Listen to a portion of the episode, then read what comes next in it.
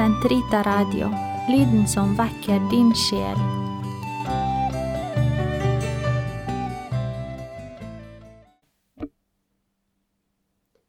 Den katolske kirkes katekisme, uke 12, onsdag, paragraf 1229 til 1236. Hvordan feires dåpens sakrament? Innvielse til kristent liv. Det å bli kristen skjer siden apostlenes dager ved en gradvis utvikling og en innvielse i etapper. Veien kan tilbakelegges raskt eller langsomt. Den bør imidlertid alltid innebære noen vesentlige elementer.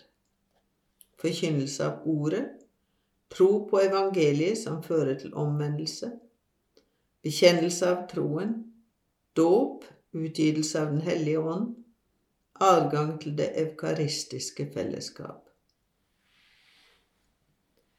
Innvielsen har foregått ytterst forskjellig i århundrenes løp. Alt etter de rådende forhold.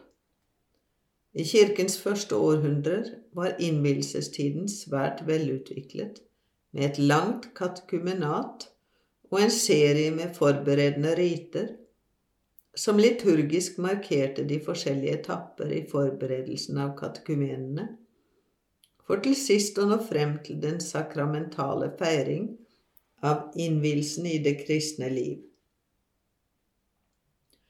Der hvor barnedåp er blitt langt den vanligste form for feiring av dette sakramentet, er den blitt en eneste liturgisk handling som i svært forkortet form har tatt opp i seg de etapper som går forut for dåpen.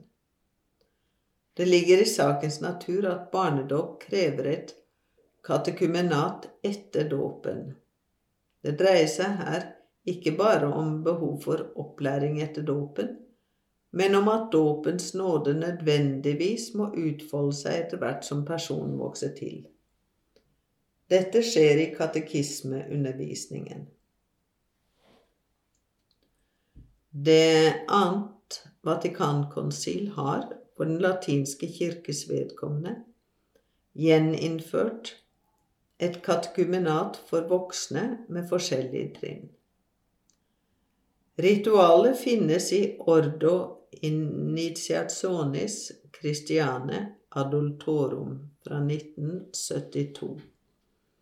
Dessuten tillot konsilet at man, i tillegg til den kristne tradisjons egne innvielsesriter, i misjonsland kan benytte seg av slike innvielsesriter som ses å være i bruk hos de enkelte folkeslag, i den monn de lar seg tilpasse kristen skikk.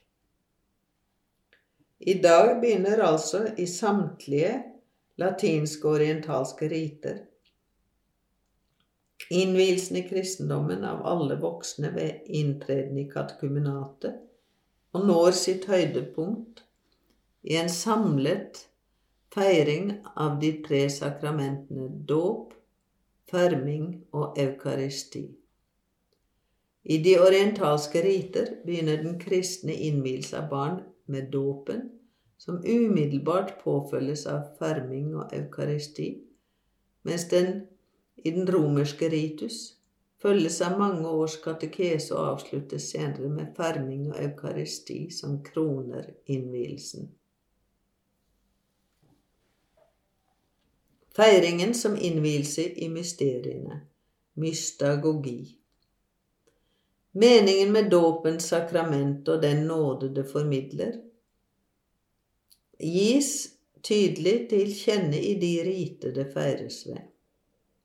Ved oppmerksomt å følge med i den liturgiske feirings handlinger og ord, innføres de troende i de rikdommer dette sakramentet betegner, og virkeliggjør i hver enkelt nydøpt.